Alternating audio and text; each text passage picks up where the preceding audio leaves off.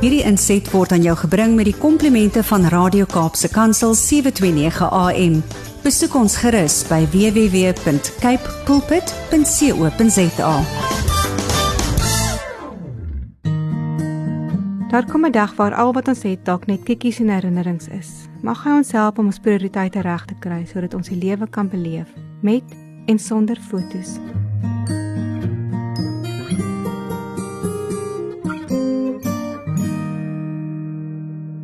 Sinvol te leef. Was dit wat ek gedoen het sinvol?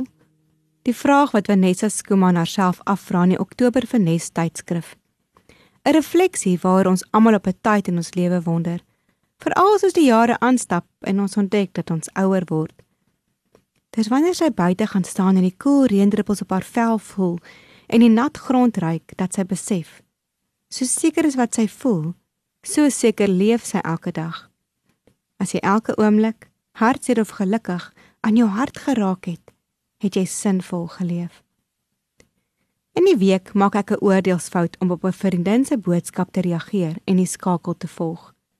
Ek besef vinnig dat dit fopnuus is en 'n vals boodskap. Die volgende 10 minute spandeer ek om my fout te herstel. Ek is meer kwaad vir myself oor die tyd wat ek gemors het en dat ek my stilword tyd vir minder as 'n bord lensiesop verruil het. Radio Kansel se omroeper herinner my vroegoggend dat hierdie dag deur die Here geskep is.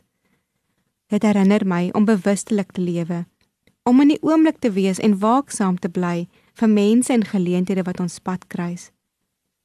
Wanneer die angstig bekommerde pasiënt voor my kom sit, vra ek haar later uit oor haar toekomsplanne. Sy is besig om te studeer en sy bly by haar ma. Terwyl haar hande onrustig vroetel op haar skoot, noem sy dat sy eintlik oor see wil gaan bly omdat sy daar gelukkig sal wees.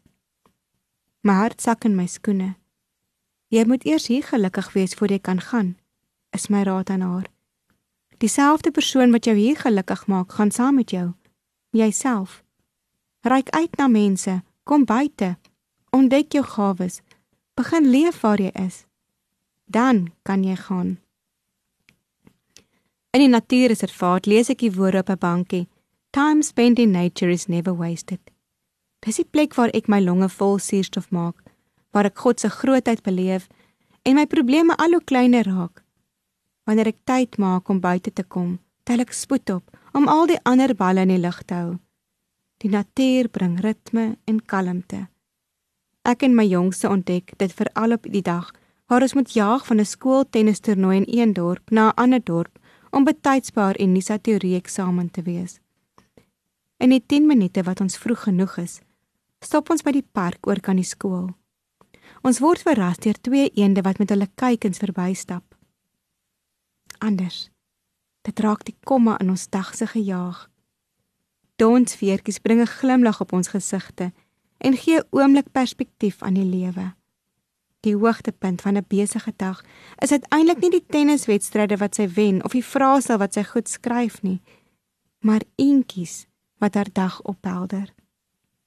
Het ek sinvol geleef? Ook die vraag op my lippe.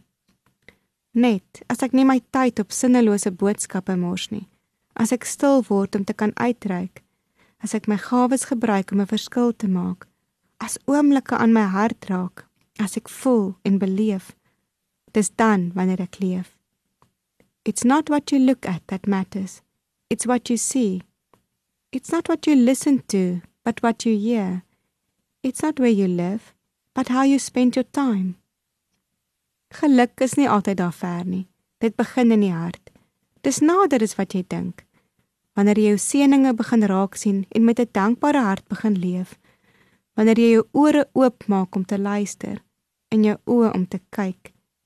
Wanneer jy hom begin raak sien in die natuur en in die mense om jou, dan begin jy iets beleef van God. Sy grootheid in sy genade. En dan raak dit 'n sinvolle lewe. Hierdie was 'n gedeelte uit een van my klippies van hoop. Gaan lees gerus verder uit Ansa se klippies van hoop.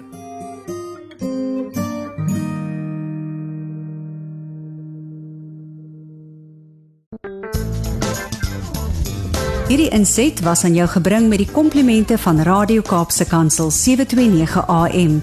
Besoek ons gerus by www.cape pulpit.co.za.